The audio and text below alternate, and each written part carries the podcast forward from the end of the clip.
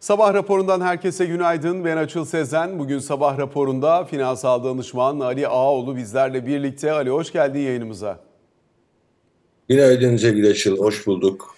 Şimdi Ya bu dün- sabah yayını dediğinde çok özür diliyorum. Karanlıkta yapılan yayından bahsediyoruz değil mi biz? aslında evet yani sabahın bu saatinin karanlık olması özellikle saat düzenlemesinden bu yana böyle. Maalesef saat 8.30-9 hava hala karanlık oluyor ama yayınla bir alakası yok yani. Saat düzenlemesiyle alakası var.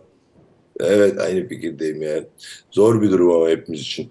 Diğer Doğru. çalışan arkadaşlara da kolaylıklar diliyorum. Ama Ama, özellikle uzun çocuklara. süre e, yeterince uzun süre bu işi yaptığın zaman alışıyorsun sevgili Ali. Ya evet ama çocuklara ne diyeceğiz? Onlar açısından tabii çok büyük zorluk maalesef. Yapacak bir şey yok. Yani Hakikaten evet. yıllardır da bu şekilde devam ediyor. Anladığımız Ağlayarak uyanıyorlar memnun diyorlar. herkes bu durumdan. Başlayayım mı? İnşallah. Lütfen, hadi başlayalım. Şimdi piyasa açısından e, oldukça risk iştahının nispeten yükseldiği bir ortamda karşı karşıyayız demek mümkün gibi görünüyor. Çünkü özellikle Fed başkanlarından gelen açıklamalar vardı dün. E, Fed'in en şahin üyeleri dahi artık yavaş yavaş ki Christopher Waller bunlardan bir tanesi diyor ki Fed'in %2 enflasyon hedefine dönebilmesi açısından daha fazla faiz artırımına ihtiyaç olmadığını düşünüyorum. Yani artık Fed de kendi iletişimini zaten son dönemde ağırlıklı olarak hep faiz artırımlarında sona gelindiği üzerine kurgulamaya başlamıştı. Son faiz kararı da bu çerçevedeydi. Ee, Şimdi bunun artık en şahin Fed üyeleri tarafından da dillendirilmeye başlandığını gözlemliyoruz. Ee, işte Michel Bowman biraz daha farklı yine Fed guvernörlerinden. O hani hala gerekirse artabilir falan diyor ama Waller'ın söylemesini piyasa daha fazla satın almayı tercih etti.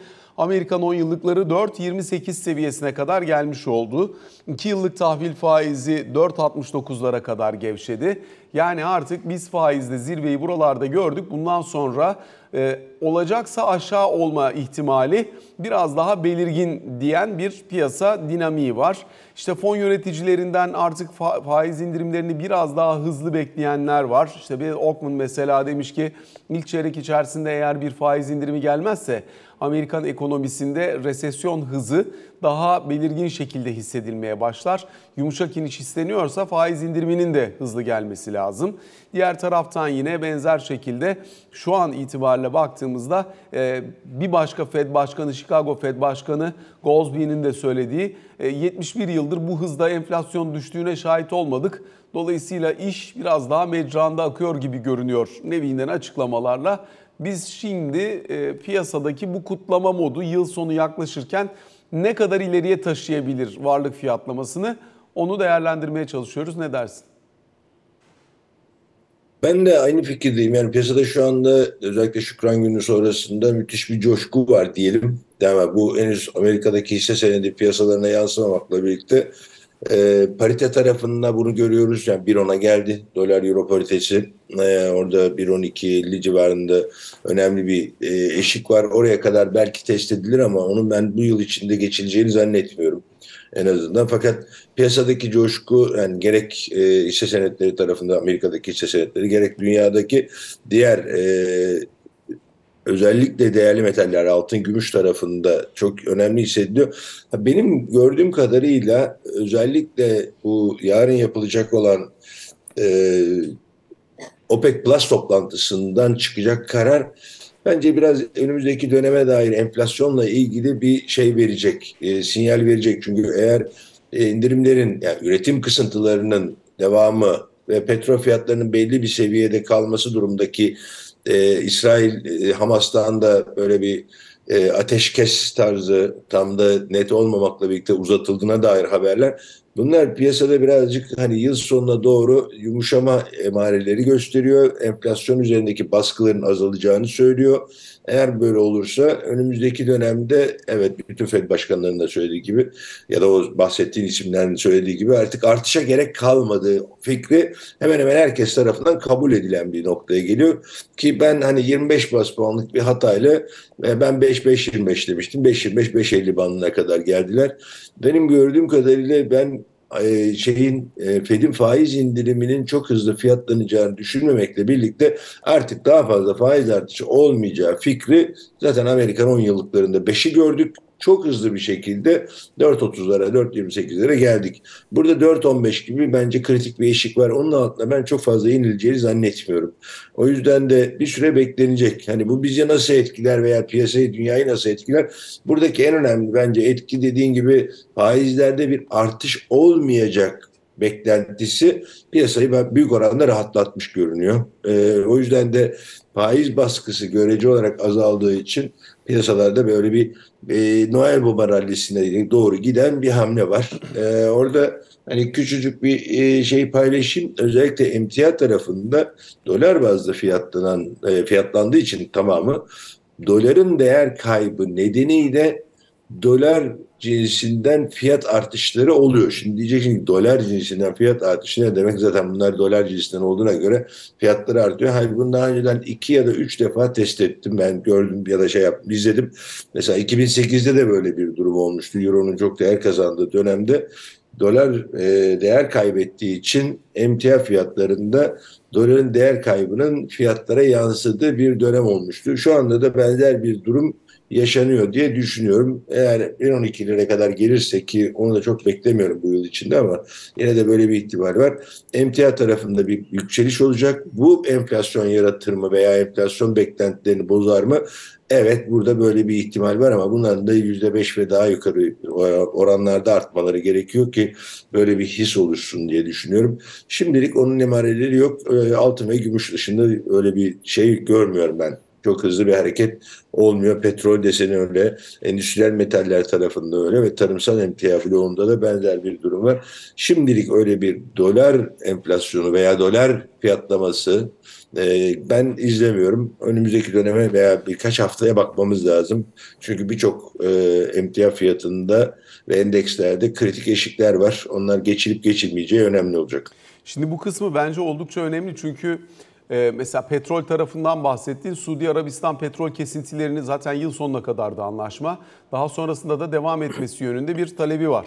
Fakat OPEC artı ülkelerinin bir kısmını buralarda ikna etmekte güçlük çekiyor. Zaten OPEC artı ülkelerinin hepsinde benzer şekilde aynı oranda bir üretim kısıntısı da görmedik. Yani homojen dağılmış herkesin kararlı bir şekilde üretimi azalttığı bir yapıdan ziyade her ülke ihtiyaç duyduğu oranda kendi kotasını aşmakta ve iz görmeden hareket etti. Şimdi e, ama bunların açığını da Rusya ve Suudi Arabistan kendi üretimini azaltarak belli ölçüde kompanse etti. Yani o hedefi OPEC artı tutturmuş oldu. Şimdi özellikle son e, toplantının ertelenmiş olmasından sonra OPEC çerçevesinde biraz belki bunun üzerine konuşmak lazım. Mesela Angola ve Nijerya gibi ülkeleri ikna etmekte güçlük çekiyorlar deniliyor kendi üretim fazlalarını e, bir miktar daha kendi gelirine dönüştürebilmek için zaten buralar aynı zamanda siyasi istikrarsızlığında e, zaman zaman olaylar nedeniyle üretim kesintilerinin de yaşanabildiği bölgeler. O nedenle bundan sonrasında bir petrolde arz talep dengesi açısından arz kısmını konuşacak olursak e, ne beklemek lazım? Yani aynı üretim kesintileri aynı şekilde devam ederse fiyatlarda işte kabaca 75-80 dolar arası e, alt sınır olarak çiziliyordu hemen hemen e, her Suudi yetkilisinin konuşmasında. Buralara doğru e, bir taban e, oluşumu devam edecek gibi görünür mü? Valla açı ben onu bekliyorum ama benim beklememin arkasında başka bir sebep var. Biz şimdi OPEC Plus'la oldukça kısa vadeyi konuşuyoruz. Yani kısa derken aslında hani 3-6 e, aylık bölgeyi konuşuyoruz. 3 aşağı 5 yukarı. Hadi bilemedim bir seneyi konuşuyoruz. Fakat bence petrolde çok radikal bir seneyi geride bırakıyor olabiliriz 2023 itibariyle. Nedir bu radikal sene dersen şimdiye kadar teknik olarak e, satıcı piyasasıydı. Yani satıcılar fiyatı kontrol ediyor, belirliyor, yönlendiriyorlardı. Fakat Çin 2023'tür bizim için bu tarih dedi. Ama bu tarih 26-30 tarih diyenler var ama ben o kadar 30'a kadar gideceğini düşünmediğim bir dönem geliyor artık. Artık e, alıcı piyasası olacak petrol. Şimdi bu ne demek dersen e, şimdiye kadar satıcıların domine ettiği, fiyatı yönlendirdiği ortam e, teknik olarak zirve petrol olarak anılan yani e, talebin karşılayabileceği maksimum arz seviyesi olarak ifade edebileceğimiz bir tanım artık yerini zirve petrol talebine bırakmış durumda. Yani yeni dönemde tartışacağımız bu. Ve bu şu demek gerek elektrikli otomobil, otomobiller gerekse e, çevre konularında e, fosil yakıtlardan uzaklaşma çabası diyeyim. E, petrol üreticilerinden çok petrol kullanıcılarının e, fiyatı az çok belirlemeye başlayacağı. Tabii ki bu eskisi kadar ya da bir satıcıların belirlediği kadar net değil. Çünkü onlar çok az sayıda görece olarak ama alıcılar çok daha fazla sayıda üstüne üstlük tek, ülkelerin teknolojik gelişimleri diyeyim farklı birbirinden. Elektrikli otomobiller, otomobiller Çin'de hızla yayılırken ve ciddi bir üretim kapasitesiyle tüm dünyaya e, ciddi oranda elektrikli araç satarken bizim ve benzeri ülkelerde eski teknoloji veya içten patlama, yanmalı motorları kullanan ülkelerdeki bu değişim çok kolay olmayacaktır. Ee, yine de dediğim gibi petrolde zirve petrol tarafı zirve petrol talebi dönemini e, şey yapacak. Kısa vadede dediğin konular önemli. Yani özellikle Suudi Arabistan'ın bu konudaki ağır yönlendiriciliği ve bu Suudi Arabistan ve Amerika'nın bu konudaki görece ortak çalışmaları diyeyim. Görece diyorum çünkü farklı çıkarları var ve birbirleriyle bu konuda çok net anlaşmaları mümkün değil ama çok fazla birbirlerinin ayağına basmıyorlar. Suudi Arabistan daha yüksek petrol fiyatı istiyor. Amerika'da özellikle seçimlere giderken daha düşük bir petrol fiyatı istiyor ama gene de çok kırıp dökmeden ilerliyorlar. Amerika'daki seçimler bence önemli bu 2024'te. Orada e, yeniden Trump'ın aday olup olmayacağı çok kritik konu. Biden tekrar devam edecek gibi görünüyor. Seçilirse ömrü vefa edecek mi onu da bilmiyorum ama yani oldukça yaşlı bir başkan seçiyor olacak Amerika. Ama bunların hepsini bir tarafa koyup genelde beklenti itibariyle ben çok böyle yukarıya gidecek, kırılıp dökülecek bir petrol piyasası beklemiyorum. Bunun arkasındaki çok temel varsayım ki buna dair çok fazla emare ortadan kalktı diyeyim. Birçok emare kalktı.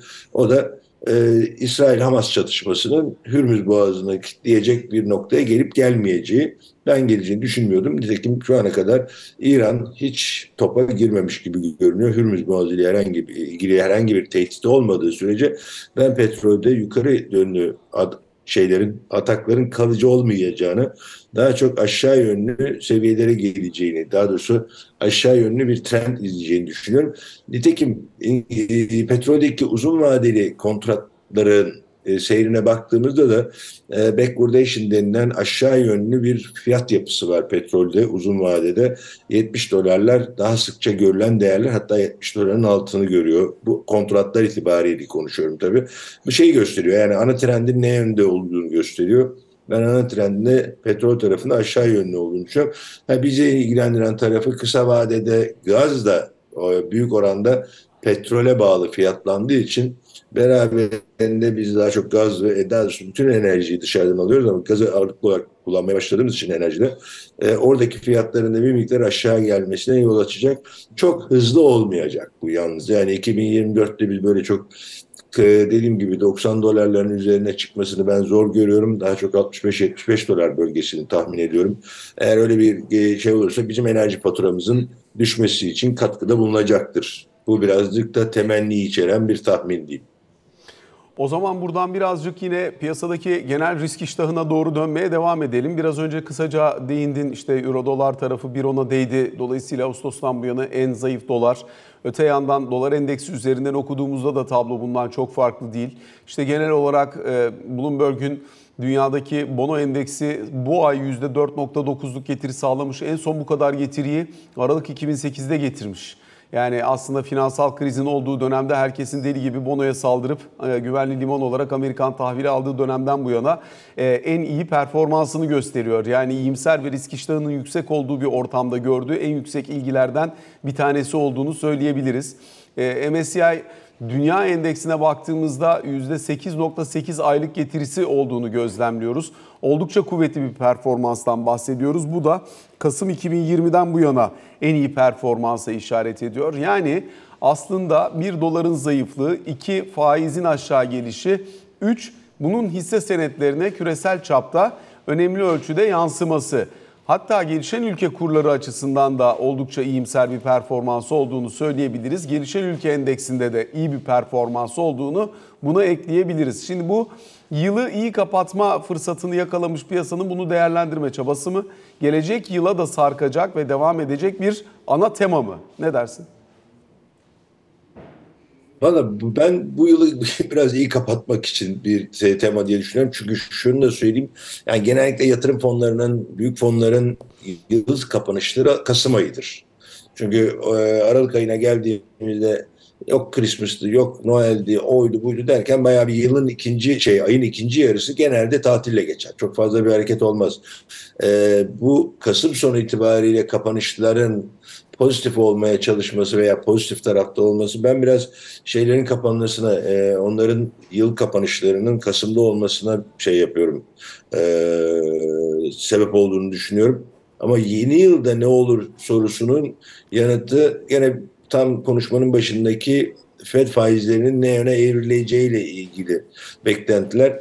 Ben daha mutedil bir, e, evet ekonomik tarafında, küresel ekonomi tarafında bu cari yüksek faiz seviyelerinin bir süre daha korunacağını, bunun da ekonomik büyümelerinin çok coşkulu olmasına mani olacağını düşünen taraftayım. Lakin e, jeopolitik tarafta da pozitif da bir gelişmeler olmasını bekliyorum. Özellikle İsrail-Hamas meselesinin artık e, yavaş yavaş ateşkeslerin biraz daha uzadığı, arada bir e, parladığı ama e, sönümlenmeye başlayacak bir çatışma olarak düşünüyorum. E, diğer taraftan Rusya-Ukrayna meselesinin de düşük yoğunluklu bir çatışma dönemine gireceğini, o yüzden de dünyadaki savaş riskinin azaldığı, daha sakin veya biraz yaraları sardığımız bu anlamda özellikle savaşlar anlamında yaraları sardığımız bir yıla doğru gideceğiz beklentim var. O tabii ki risk iştahını biraz arttıracaktır. Kaldı ki Fed'in de ikinci yarıyla yılın ikinci yarısında e, faizleri düşüreceği beklentisi düşürmese bile çok önemli değil düşürmesi. Düşürmese bile bu beklenti piyasalardaki şeyi e, risk alma hevesini biraz yüksek tutacak gibi görünüyor. E, tabii ki orada en fazla enflasyonun arada bir kafasını kaldırıp kaldırmadığına bakacak piyasa. Eğer kaldırırsa bu faiz indirim süreci hep ertelenecektir. Ben o kadar kolay olacağını düşünmüyorum. Yani bir, yani 100 bas puanlık bir indirim bekleniyor Fed'den yılın ikinci yarısında. Hatta ikinci çeyreğinden başlayarak ben o kadar iyimser tarafta henüz değilim. Çünkü biraz evvel söylediğim doların değer kaybettiği ortamda emtia fiyatlarının dolar değer kaybettiği için zamlandığı diyeyim tırnak içinde zamlandığı e, bir dönemde o enflasyondaki düşüş beklenen ve istenen hızla olmayabilir. Bu bir risk midir dersen bence çok da göz ardı edilmeyecek bir risktir ve piyasalardaki o coşku dönem dönem e, işte bilanço kapanışları, yıl kapanışı vesaire derken ki ne dediğim gibi Noel Baba rallisi yaşar mıyız? E, yaşayabiliriz. Böyle bir ihtimal var. Çünkü e, bu faiz indirim konuşulmaya başlandığında zaten e, ortam oluşmuştur. Piyasalar çok büyük ihtimalle bunu e, fiyatlamak isteyeceklerdir. E, ve önlerinde bir engel var mı diye baktığımızda da ben pek fazla engel görmüyorum. Yani e, hem herkesin mutabık olduğu hem de çok coşkulu olmasa bile sınırlı bir iyimserliğin e, herkese sirayet ettiği bir ortamda e, ben yılı daha pozitif kapanacağını, önümüzdeki yılın da dediğim gibi reel ekonomi büyüme tarafında çok coşkulu olmasa bile piyasalar tarafında biraz daha keyifli geçebilecek bir yılmış gibi görünüyor diye düşünüyorum. Carry trade açısından nasıl görürsün önümüzdeki seneyi? Çok özür dilerim duyamadım. Carry trade, carry trade açısından nasıl görürsün önümüzdeki seneyi? Oraya süper. daha var mı yoksa? Süper. Oraya bence daha var. Çünkü Japonya dünyanın carry trade parası. Oradaki belirsizlik biraz kafa karıştırıyor. Çünkü e, ben biraz daha geriye gideceğim müsaade edersen. 90 yılından bu yana Japonya'nın başında olan bir problem e, halen daha etkilerini sürdürüyor. Bence dünya Japonya'yı yakından bir incelemesi lazım. Çünkü 90'ların başındaki Japonya'daki kriz nedeniyle Japonya'nın bulduğu çözüm yöntemi sorumluları sağlamların içine e, yerleştirmek hatta bunları evlendirmek şeklinde oldu. O sorumlular sağlamları hasta ettiler ve çok uzun yıllara sahip, 30 yıla sahip bir şey, e, nasıl diyeyim, toparlanamayan bir Japon ekonomisi Tabii bununla birlikte yaşlanan bir Japonya var. Her anlamda yaşlanan. Markaları yaşlandı, insanları yaşlı. Yani onların çözümü olarak sürekli para bastığınız bir noktada e, ister istemez şeye kadar gitti. Yani Japonya'nın sahibi şu anda neredeyse Japon Merkez Bankası durumuna geldi. Çünkü bütün e, tahvilleri onlar aldı. Japon Merkez Bankası aldık. Geçtim. E, hisse senetleri üzerine dayalı ETF'leri bile Japon Merkez Bankası aldı ki yeter ki piyasaya para versin, yeter ki işler çalışsın. Tabii bu beraberinde carry trade meselesinde Japon yenini hep öne çıkarttı. Ben o ihtimalin halen daha devam ettiğini, özellikle Japon yeni üzerinden diyeyim, e, devam ettiğini düşünen taraftayım. Evet Japon yeninde çok ciddi e, yükselişler, değer kayıpları oldu ama aslında bu e, trade tarafında biraz destekleyen bir durum. Önümüzdeki dönemde e, çok büyük kırılmalar olmadan ben devam edeceğini düşünüyorum. Çünkü Japonya halen de aynı problemle yaşamaya devam edecek ve bunun artık ne yazık ki pek iyi bir ve kolay bir çözümü yok. Yani hayat orada öyle devam edecek. Hani bizim tarafımıza baktığımızda bizde bir carry trade başlar mı konusu bizde de böyle bir ihtimal belirliyor. Çünkü ben Merkez Bankası'nın son faiz artışını e, oldukça pozitif buldum. Çünkü 250-252 tane yerine tek 500. Hatta e, Sayın Cumhurbaşkanı'nın şey yaptığı e, Hamas'la ilgili mücahittir açıklamasının hemen ertesi günü yapılan PPK'dan bir 500 gelmişti. E, Merkez Bankası tarafı ben e, hani en azından yavaş hareket ettiler ama kararlı bir politika izledikleri için bizim piyasalarımız açısından da bu carry trade ihtimalinin arttığını düşünüyorum. En azından yabancılar daha bakmaya başlamışlardır. E, bu yeni yılla birlikte e, en azından bir hamle gelmesi lazım ama yani çünkü biz şimdi yabancı bekliyoruz. Godoy'u bekler gibi yabancı bekliyoruz da o yabancının geleceği yol köprü onlar yok. Yani özellikle bu swap meselesinin biraz şey yapılması lazım. Hızlı halledilmesi lazım. Seçim öncesinde Eğer bekliyor bir- musun? Halen de bekliyorum tabii. Çünkü seçim öncesinde hepimizin e, ya da piyasanın genel beklentisi seçimden sonra kur tarafında bir ayarlama olacağı. E, yani seçim öncesinde bu kanalları açmazsanız seçim sonrasında bu kur ayarlamasıyla birlikte yabancı geldiğinde geri gelecek yol yöntem yok. Gecikir o. Geciktiğinde o ayarlamayı kontrol etmek de zorlaşır. Yani o yüzden ben swap e, köprüsünün seçimden önce kurulmasını, çalışır hale getirilmesini bekliyorum. Yoksa seçimden sonra siz ne yaparsanız yapın. Eğer o attığınız adımlar karşı e, yaratmıyor ise e, sürdüremezsiniz bu politikaları. Onun için bir şu anda var olan bir politika var ki bence doğru. Yani ben hep şey ısrarla söylüyorum. Yani bizim Türk lirasını tasarruf etmemizin mutlaka bir cezbedici tarafı olması lazım. Bu da reel faiz. Çok büyük olması gerekmiyor ama eskisi kadar derin ve korkutucu uçurumlar şeklindeki negatif getiri döneminin bitmesi lazımdı. Neyse ki onu yavaş yavaş bitirmeyi başarıyoruz. Tabii KKM var burada. Aslında yabancıların sorduğu iki tane sorunun yanıtı bence e, yavaş yavaş halloluyor gibi geliyor. Birincisi KKM problemi işte 100 milyar doların altına indi. Çok hızlı inmesi lazım. Orada şirketlerin de e, biraz çözülmesi gerekiyor. Orada çünkü vergi avantajı var şirketler için. O gene uzatıldı e, Haziran sonuna kadar, 2024 Haziran'a kadar. Belki onda bir düzenleme yapılabilir. Haziran'dan sonra bırakılarak o kısmı var ama esas bence e, ikinci soru Sayın Şimşek'in görevde kalıp kalmayacağı sorusuydu. Orada da ben pozitif tarafa geçmeye başladım. Sebebi de bahsettiğim gibi iki tane ee, özellikle iki faiz artışı e, bir Hamas söyleminin hemen ertesinde bir de Kasım ayındaki işte Kasım ve Aralık'ta 25-25 beklenirken Kasım'da e, 500 bas puan yapıp evet artık yavaş yavaş sonuna geldik mesajını da veriyor. Belki 40-45 olur seçimden önce ama çok fazla artışa gerek kalmadan bu işi götürmesi gerekiyor ee, şey Merkez Bankası'nın ve e, Sayın Şimşek'in. O bizde carry trade'i yaratır mı sorusunun yani senin carry trade'de ben dünya carry trade'ini Japon yerine Türk tarafında bizim swap piyasasına bağlamış durumdayım. Eğer swap piyasasındaki bu kanallar açılırsa yani kanın akmaya başlaması ya da likitlerin dolaşmaya başlaması gerekiyor ki gelebilsinler. Yani yabancılar buraya gelip yatırım yapabilsinler. Bono faizleri de şu anda eh ve nişer hale geldi.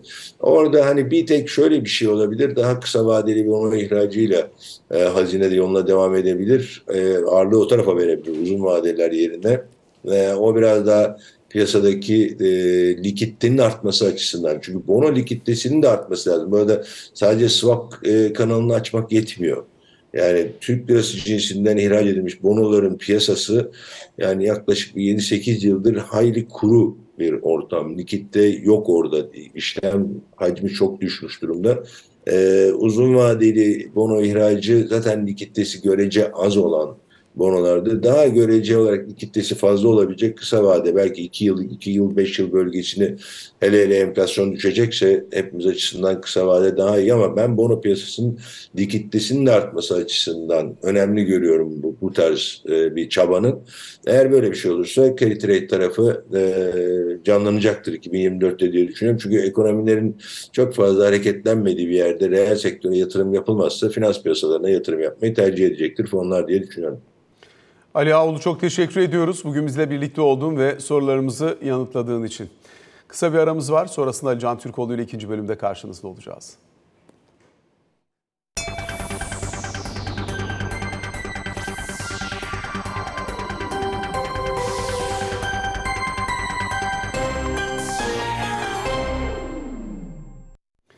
Sabah raporunun ikinci bölümüyle karşınızdayız. Ali Can Türkoğlu ile birlikteyiz. Ali Can günaydın. Günaydın. Şimdi öncelikle bir e, yerel seçimler yaklaşıyor. Dolayısıyla her tarafta aday belirleme çalışmaları üzerine e, haberler sızmaya devam ediyor. Şimdi iki toplantı bekleniyor aslında bu hafta içerisinde. Ee, biri Erdoğan Bahçeli, diğeri Özgür Özel, Meral Akşener. Ee, Özgür Özel'in yarın e, Meral Akşener'i bir ziyarete gidebileceği söyleniyor. Perşembe sabah bir araya gelebilecekleri yönünde iddialar vardı. Ee, Erdoğan'la Bahçeli'nin de bugün Erdoğan'ın programı var. Yani Milli Güvenlik Kurulu toplantısı var. Zaten hiçbir zaman Bahçeli Erdoğan görüşmeleri resmi e, takvimine girmedi Erdoğan'ın ama Ankara'da bugün de o toplantının olabileceği söyleniyor. Yani sanki bugün, bugün ve yarın bu hafta içerisinde hani yerel seçimlere ilişkin biraz daha e, liderlerin görüşmeleriyle beraber yön alabilecek bir noktaya gelebilir süreç. Neden söylüyorum? AK Parti ile Milliyetçi Hareket Partisi heyetleri zaten 7 kez bir araya gelmişlerdi oluşturulan heyetler. Ve bir rapor hazırlanıp bu liderlere sunuldu. Yani iki partinin ortak hazırlamış olduğu rapor hem MHP Genel Başkanı Sayın Bahçeli'de hem AK Parti Genel Başkanı Sayın Erdoğan'da var şu anda.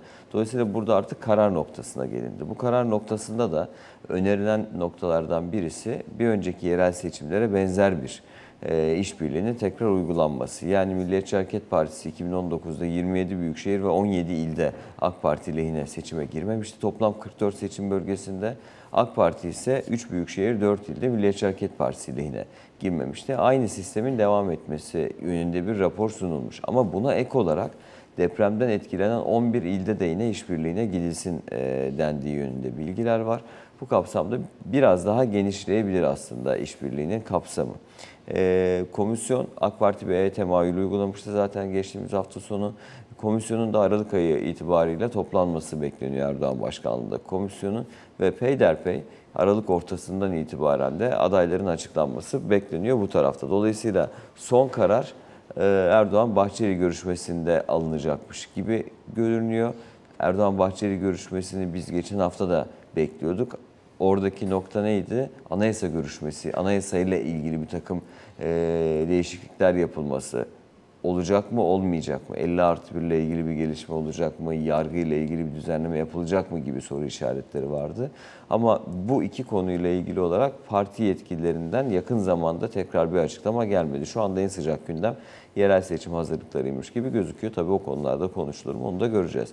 İyi Parti CHP arasındaki e, tırnak içi ilişkide de ise İyi Parti'nin özellikle bütün illerde e, tek başlarına seçime gireceğiz yönündeki açıklamayı çok sık yapmalarından sonra yap, e, bu ilişki veya işbirliği bir daha olmayacak yorumları daha fazla yapılmaya başlanmıştı.